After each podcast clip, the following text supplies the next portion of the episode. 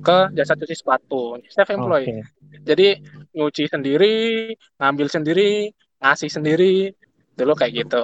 Selamat datang dan kembali lagi bersama kita dalam podcast PDDT. Assalamualaikum warahmatullahi wabarakatuh. Waalaikumsalam. Hmm. Mohon maaf, satu Haji dingin di sini. Nah dingin-dingin gini, malam-malam gini kita akan ngomongin bukan kita sih Riz ya, Siapa nih? teman-teman kita.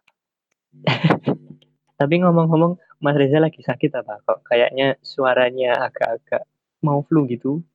Sedang sedang tidak dalam kondisi baik, sedang banyak banyak requestan. Kalau kemarin kan udah ngomongin media sosial, kuliah-kuliah kan. Nah ini eh, kehidupan setelah kuliah, ada juga kehidupan setelah SMA. Hidup kita bahkan dihabiskan dalam materi inilah. Oke, kalau gitu aku langsung mau kenalin nih dari Bandung. Wih, seorang sahabat lama. Nggak tahu sekarang masih nganggap saya sahabat apa enggak ya. Karena sekarang udah punya istri, jadi udah punya ya yang setidaknya buat ngobrol bareng lah pengganti saya. Ada Mas Hafiz. Nah, apa? Halo Mas Hafiz. Halo, Wah, ceria sekali ya Mas Hafiz. Sehat Mas Hafiz? alhamdulillah. Alhamdulillah. Kalau Faris sudah bawa Haf- Mas Hafiz, gue panggilnya Hafiz aja lah ya, biar kita seangkatan itu lah ya. Boleh kan? Boleh. Boleh lah ya. Kalau Faris sudah bawa Hafiz yang ceria, aku juga bawa temen gue yang ceria banget. Nggak mungkin nggak ada yang nggak kenal dia. Orang mungkin kalau di SMP dari ruang guru sampai tuh udah kedengeran suara dia. Hmm. Udah terdengar kan suaranya. Siapa lagi kalau bukan Mas Sufa Amalina Gaisani. Ih, Masih apal gue namanya. Halo Lin. Halo teman-teman. Hai, sehat Lina. Alhamdulillah selalu sehat. Alhamdulillah. Amin. Semoga kita semua selalu sehat ya. Amin. Hmm. Jadi gimana Faris? Enaknya gimana ini? Tadi kita belum ngomong apa. Tadi kita ngomongin kalau kok bisa menghabiskan waktu kebanyakan dari umur kita kan. Nah, kali Mm-mm. kita di sini mau ngomongin tentang pekerjaan. Nah, kita bakal ngomongin tentang bisnis. Oke, bisnis. Ini cerita dulu dong, Riz. Bisnisnya apa aja sih, Mbak Lina dan Oke. Mas Hafiz ini? Oke, oke, nah, makasih ya. Eh, kalau kita ngomongin bisnis ini bisa macam-macam ya. Sebelum kembali Lina sama Mas Hafiz. Bisnis apa dulu nih? Biasanya ya, kalau kita lagi SMA kan kadang-kadang ya mengenang dulu SMA. Ada yang suka jualan gorengan, entah itu risoles atau tahu bakso gitu ya, ke kelas-kelas gitu. Itu pun udah bisnis gitu. Istilahnya kan kalau kita dulu nyebutnya danus. Oh, mantep gitu. Bahkan kita kalau nyari duit di event kadang-kadang sampai jual baju bekas di pasar gitu. Nah, kalau mau ngomong soal kayak gini, eh, mungkin ke Mas Hafiz dulu nih. Eh, kesibukannya apa sih sekarang? Bisa nggak tolong ceritakan? Emang bisnis apa sih? Dan kenapa bisa nyemplung ke situ gitu? Oke, sekarang aku habis lulus sih tahun lalu. Habis itu ada ngelanjutin bisnis. Nah, bisnisku itu aku rintis dari pas aku kuliah, Mhm. terus sampai sekarang keturutan. Jadi lulus kuliah ya udah proyeksinya emang harus besarin bisnis yang udah dibangun itu, yang udah dirintis. Nah, itu Mhm. bisnisnya apa? Kan tanda tanya ya. Iya. Bisnisnya itu adalah tentang F&B sih sebenarnya, food and beverage. Food and Jadi beverage. ya kita geraknya di bidang kategori bisnis itu. Kalau nama bisnisnya sendiri, nah kan kebetulan aku kuliahnya dulu di ITB Bandung ya, di Mhm. Sekolah Bisnis Manajemen. Habis itu makanya bisnisnya juga di Bandung sekarang. Walaupun aku orang Jogja ya, aku orang Jogja yang bisnisnya di Bandung. Nah, di sini sebenarnya awalnya tuh ada beberapa bisnis, tapi masuknya masih dalam F&B juga. Mhm. Ini namanya ayam Bar, ayam crispy bakar. Mhm. Itu yang di Bandung tapi ya. Kalau untuk sekarang sih Bar udah ada 12 cabang. 12 cabang, oke. Habis itu ada catering, namanya Fortune Catering. Itu semuanya Mas Hafiz kelola sendiri atau sama temen atau sama siapa? Eh kebetulan saya kelola ini awalnya berdua ada rekan namanya Filbert. Jadi kita Hmm. awal bikin berdua barengan, sama-sama satu angkatan, sama-sama satu jurusan, kayak gitu. Nah, terus sekarang kita ada tiga orang untuk sekarang. Menarik Udah sekali. berapa lama sih bisnisku? Ya. Itu udah tiga tahun, empat tahun ini lah. Sampai sekarang. Oke, Mas Riza gimana pendapatnya? Mohon maaf, Bung. Berasa ILK kita. Bagaimana pendapatnya Mas Reza? Gue berasa kelas presentasi ya. Ya, saya dari kelas gugus 9. Saya mau tanya ke Mas Hafiz. Instagramnya apa ya? Kalau saya nggak ketemu ya Krisbar, Krisbar tadi. Namanya Crispy Bakar. Nah, buat teman-teman yang mau nyari itu di at crispy bakar Char- Charlie Romeo India Sierra Sierra Papa Yankee B bakar. Udah ya. Ya, oke. Wow. Nah, gue baru tahu. Jujur gue baru tahu ada crispy bakar. Ada kan Crispy Bakar di Instagram? Ada, gue baru tahu. Masa kayak baru baru baru tahu ada ayam crispy dibakar. Ya, jadi ayam crispy bakar itu crispy dulu. Jadi ayam goreng di crispy, ayam crispy Nah, goreng kan. dulu, habis itu dibakar gitu. Di situlah signaturenya dari Chris Bar ini. Jadi Chris Bar itu sebenarnya singkatan dari crispy bakar. Oh. Nah, Zah. Ini aku udah ini nih memperkenalkan temanku. Temanmu gimana nih? ini kayak berasa tanding apa ya kita memperkenalkan masing-masing teman. Jadi kita gue akan mengenalkan teman gue, Mbak Lina. Mbak Lina ini eh, bisnisnya adalah apa ya bisnisnya? Maksud maksudnya apa ya bisnisnya? MLM. Yang gue tahu sekarang ini selaku manajer ya, senior manager ya. Apa sih? Sekarang director. Direktur, direktur ya. Ya. Direktur di Oriflame. Dan kalian harus tahu dong gitu perjuangan dia. Gue gue ikutin snapgram dia. Amazing you, banget.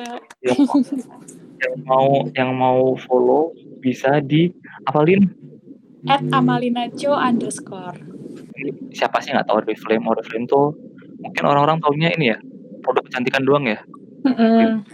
padahal nggak cuma kecantikan kan Iya bener-bener ada parfum juga, ada personal care, ada skincare juga, bahkan ada well-being kalau misalnya kamu mau apa sih semacam susu penambah nutrisi itu juga ada, cuma memang nggak se-booming make upnya gitu. Nutrishake ya Iya nutrisi. itu kan gue tahu Hmm. Boleh dong Lina ceritain dulu awalnya kok bisa sih terjun ke situ gitu loh. Sampai sekarang ini sam- di posisi director ini gimana?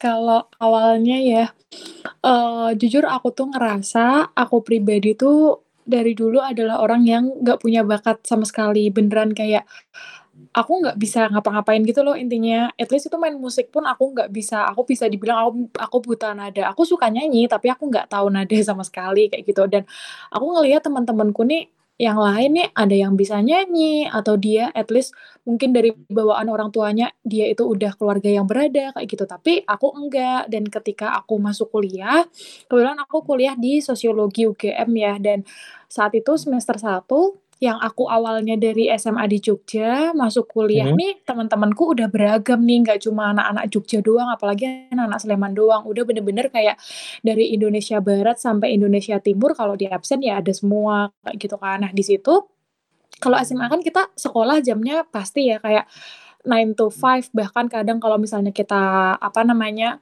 eh, les kayak gitu. Tapi kuliah ini udah beda kayak yang ada jam kosongnya dan lain-lain. Itu kan pasti anak kuliah suka nongkrong kan. Dan di situ aku tuh nggak bisa ikut nongkrong. Bukan karena aku sibuk atau lain-lain tapi karena aku bokek karena kalau awal kuliah aku dari SMP memang sama orang tuaku udah dikasih uang sakunya bulanan. Kayak cukup nggak cukup ya itu untuk sebulan kayak gitu. Jadi bener-bener harus manajemen nih kayak mana yang buat pulsa mana yang buat kuota mana yang buat bensin dan lain-lain harus pinter-pinter baginya. Dan kalau misalnya udah dibagi pun nggak akan cukup gitu untuk nongkrong. Dan di saat aku semester 1 aku inget banget itu aku diajakin temenku untuk gabung Oriflame. Karena dia pertama kali cerita ketika dia gabung di bulan pertama dapat keuntungan 400 ribu. Dan di situ ya dari yang aku apa ya istilahnya aku tuh uh, bokek banget nih nggak pernah pegang duit banyak nggak belum punya rekening sama sekali ditawarin duit 400 ribu ya langsung mau aku langsung menyerahkan diri tanpa tahu apa itu Oriflame tanpa tahu gimana cara jualan tanpa tahu apa aja sih produk yang dijual Oriflame tanpa tahu bisnis sekalipun jadi itu kalau hmm. misalnya mau diceritain dari awal aku gabung Oriflame nih, aku bener-bener memulainya tuh dari nol besar, bahkan bisa dibilang aku hmm. merangkak banget gitu. Hmm. Terus kenapa akhirnya dari perjuangan itu gitu ya, Lina? Kok bisa nih dari yang nol banget dan nggak tahu nih, mungkin nyangka nggak nyangka gitu ya, kok akhirnya bisa jadi director gitu? Iya, aku pun awalnya juga kayak Ya, secara nggak langsung minder ya, karena bisa dibilang itu tadi, Oriflame nih orang-orang kalau ditanya, biasanya yang tahu Oriflame apa? Pasti produk kecantikan, pasti makeup. Sedangkan di sini aku bahkan dulu zaman awal gabung makeup aja nggak bisa sama sekali, nggak bisa make, bedain ini fungsinya untuk apa, itu fungsinya untuk apa kayak gitu. Tapi untungnya uh, aku tuh karena gabungnya sama temanku sendiri, jadi kalau misalnya aku nggak tahu ya aku bakal nanya kayak gitu. Dan kebetulan di yang bisnis nih Oriflame nih sekarang yang aku jalanin itu banyak banget training baik dari manajemen maupun dari komunitas yang aku gabung kayak gitu. Baik kayak training misalnya jualan atau misalnya product knowledge kayak gitu. Alhamdulillahnya aku bersyukurnya aku dapat semua kayak gitu. Dan di situ karena aku posisinya mungkin karena udah saking butuh duitnya kan karena buka terus dua bulan aku gabung alhamdulillahnya udah ada di level manager yang saat itu awalnya aku mau keuntungan bulanan aja deh dari jualan itu 500 ribuan. Waktu itu di zaman semester saat masuk semester 2 Alhamdulillah aku udah punya bonus kalau nggak salah sekitar 1,5 juta gitu. Jadi jadi kayak mulai dari situ aku mulai memutuskan untuk kok lumayan banget ya kalau diseriusin. Apalagi tahu kan ya kita kayak biaya hidup Jogja tuh murah banget nggak sih? Kayak satu setengah yeah. juta tuh udah berasa banyak banget. Apalagi oh. untuk mahasiswi gitu loh. Mahasiswi yang masih semester pericil-pericil gitu. Uh, gue nonton sorenya si Lina kan kayak emang banyak banget dia kadang-kadang acara-acara di kantornya di Jember itu kan kantornya Reflame. Mm, benar. Banyak banget kayak sering wah asik sekali ya. Iya kumpul-kumpul gitu ya. Oke, okay, berarti uh, ini enggak ada semacam ikut proses rekrutmen gitu bang apa iya, iya. langsung? Iya iya, memang karena Oriflame sendiri ini kan MLM kan dan aduh kayaknya aku udah sampai menutup mata dan telinga ketika orang-orang tuh banyak yang skeptis sama MLM karena kayak bilangnya nguntungin yang atas doang dan lain-lain. Padahal ternyata aku pun kalau aku pribadi tuh nggak skeptis sama MLM awalnya, tapi karena memang aku nggak tahu sama sekali MLM itu apa dan ternyata yang orang-orang tahu dengan yang aku jalani itu sangat berbeda kayak gitu. Karena aku pribadi pun sekarang nih yang ada di level director ketika aku tidak mengerjakan ya aku nggak akan dapat bonus kayak gitu. Jadi tetap apa yang aku kerjakan aku yang akan dibayar sesuai dengan apa yang aku kerjakan itu gitu mantap mantap. Nah kalau Lina tadi tidak ada background dari bisnis kalau Mas Hafiz apakah ada background bisnis bisnisnya atau keluarganya atau selain selain dari sekolahnya ya? Kalau aku sih ini ya jadi keluarga aku emang orang tua aku keduanya perawat. Habis itu dari kakek nenekku semua guru tapi emang gak ada background bisnis kalau dari keluarga aku. Nah dulu aku di challenge dan bukan di challenge juga sih tapi lebih ke mana ya? Pokoknya aku targetnya kuliah itu harus nggak bayar gitu kan. Nah karena dari situ aku cari banyak beasiswa terus juga dulu jualan kecil-kecilan apa itu danus. Nah, dari situ dulu terus geraknya movingnya ke jasa cuci sepatu, self employed. Okay. Jadi nyuci sendiri, ngambil sendiri, ngasih sendiri, dulu kayak gitu. Habis itu dari cuci sepatu, dulu pas aku SMA kan sering community ya, ikut komunitas bisnis kayak gitu ya. Nah dari situ aku kenal sama uh, Mbak Yuni, dulu dia barbershop gitulah di Solo. Nah dari situlah aku nyariin dia mitra yang mau kerja sama sama dia terus buka di sini aku ngambil persentase di manajemennya tapi aku ikut ngurus jadi aku ikut belajar juga untuk realnya. Nah waktu nggak lama kemudian terus terus aku mikir aduh makan mahal gitu. Ngeprek sini cuman ada satu brand di sini waktu itu. Ngeprek Bensu Hmm. lagi ngasih produk knowledge produk knowledge di iklan di TV dan sebagainya kayak gitu-gitu. Nah di situlah ada opportunity karena waktu itu di Bandung itu geprek belum banyak sedangkan di Jogja kan udah tahun do- dari tahun 2009 ya geprek Udah itu kita, ya kita ekspor. Nah, kayak gitu dan di Jogja kan free refill es teh dan nasi kan udah banyak Betul. di Bandung itu belum biasa. Nah, maka dari itu waktu itu aku ada opportunity buat buka itu di food court depan kampusku untuk pertama kalinya. Jadi ada gerobak kosong ya di food courtnya. Aku samperin ke pedagang sekitar. Pak, ini ada yang nyewa nggak? Gitu. Katanya yang jualan mana? Aku kan tanya gitu. Wah, yang jualan lagi sakit mas. "Ah, ada nomornya atau gimana? Mungkin saya hubungin. Nah, akhirnya di situlah aku coba buat aku sewa aja lah kosong gerobaknya. Tapi aku udah pakai karyawan ya. Jadi kondisinya waktu itu pertama hari pertama dari satu karyawan. Terus begitu nambah kelihatan rame, nambah lagi, nambah lagi, nambah lagi gitu. Oke, mungkin aku potong dulu nih Mas Hafiz. Modal sendiri berarti. Iya. Modal sendiri. Oke. Jadi waktu itu, nah ini tentang modal ya. Aku kan nggak punya modal ya dulu juga. Kisaran habis 10 jutaan itu dari mana? Karena temanku basicnya juga sama kayak aku, maksudnya yang nggak ada keuangan lebih juga. Nah, dia buka les-lesan kalau dia. Jadi waktu itu aku patungan 50. Kalau aku sendiri duitnya dari mana? Waktu itu aku pertama dari bisnis yang jasa cuci sepatu tadi. Mhm. Yang kedua, aku minta ke orang tua, Pak, Bu, aku mau bisnis. Dan Bapak Ibu ngasih aku uang jajan sejuta per bulan. Gimana Pak Bu kalau misalnya aku minta tumpukin satu tahun ke depan sekarang gitu, bulan ini. Bapak Ibu gak usah lagi mikirin duit aku atau saya kirim-kirim transfer aku lagi gitu. Oke, kita ke Lina lah. Mas Hafiz udah cerita nih tentang bagaimana uh, awalnya sampai bisa kayak gitu. Kalau melihat dari sisinya Hafiz, Hafiz ini kan merintis nih.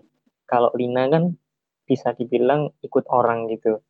Kayak gimana sih ikut orang itu rasanya ketika dulu awal-awal? Oke, kalau aku tuh bener sih karena kalau Mas Hafiz tadi kan dia merintis ya bener-bener kayak dia merintis bosnya diri dia sendiri kayak gitu bosnya Hafiz Hmm. sendiri model dari dia sendiri apa ya aku istilahnya tinggal men- tinggal jualin produk aja katalog juga udah disediain modal pun 0 rupiah kayak gitu. Tapi memang tantangannya adalah ketika aku ngejalanin bisnisnya. Karena tadi nih kalau di Oriflame itu kan bebas ya kayak kita mau jualan doang nggak apa-apa atau mau ikutan bisnisnya juga kayak aku. Memang semuanya ada plus minusnya. Kalau jualan doang itu nggak perlu ngajakin orang buat gabung tapi memang duitnya lebih sedikit. Karena cuma dapat dari keuntungan jualan. Nah, kalau mau ngajakin orang, memang kita mengembangkan jaringan, jadi bisa dapat bonus bulanan. Tapi minusnya adalah duitnya memang banyak, tapi bisa dibilang Oriflame ini kan bisnis manusia, kayak kita merekrut yang aku rekrut nih belum tentu satu pemikiran sama aku, belum tentu jalan pikirannya sama aku. Aku maunya dia A nih, aku maunya dia langsung latihan jualan. Ternyata ketika dia diajarin jualan, mungkin ada alasan nggak bisa, mungkin ada alasan nggak bakat dan lain-lain. Jadi kalau aku pribadi ngerasanya di Oriflame ini tantangannya adalah kayak menyamakan isi pikiran aku dengan jaringan atau aku dengan upline-upline-ku seperti itu. Tapi ini semua tidak terbatas hanya di Oriflame saja, di MLM mana saja mungkin aja seperti ini gitu. Cuman dengan budaya yang mungkin agak sedikit berbeda. Eh, awalnya nih dari dari seorang tadi kan awal kalau nggak salah kerja langsung dari manajer ya, manajer. Kok kok bisa toh ceritanya dari manajer terus sampai director itu gimana? Kalau di Oriflame sebenarnya itu kan sebutannya untuk title ya kayak manager atau director kayak gitu. Itu eh apa kayak sistem kerjanya tuh pakai poin kayak gitu. Jadi setiap bulan kita harus mempertahankan atau menambah level. Kalau di Oriflame pun bahkan ada istilahnya turun level kalau misalnya ketika bulan ini poin kita nggak mencapai seperti poin bulan lalu kayak gitu. Jadi apa ya istilahnya kayak ya tiap bulan tetap kerja dari awal lagi kayak gitu. Nanti kalau misalnya poinnya memenuhi ya akan naik level, tapi kalau enggak ya mungkin akan stuck level atau bahkan turun level misalnya dari eh, apa tadi manajer bisa turun ke konsultan biasa kayak gitu. Itu berarti kalau di perusahaan biasa mirip kayak promosi jabatan gitu ya? Kayak gitu ya? Hmm, bedanya apa ya? Kalau misalnya mungkin kalau di perusahaan itu kan kayak promosi jabatan manajer hanya ada satu jabatan. Tapi kalau di Oriflame enggak. Kalau di Oriflame siapa pun bisa jadi manajer gitu loh. Jadi kayak istilahnya uh, apa ya kayak julukan manajer, director di Oriflame ini tuh adalah level yang harus dituju. Jadi kayak jenjang Oke. karirnya kamu itu mau apa kayak gitu, bukan Kayak jabatan seperti yang di kantor biasa. Karena kalau jabatan kayak yang aku bilang tadi jabatan di kantor biasa kan mungkin hanya satu atau dua orang aja yang bisa menempati posisi tersebut. Tapi kalau di Oriflame tuh bisa semuanya kayak ribuan, ratusan konsul konsultannya tuh bisa ada di level itu gitu. Podcast.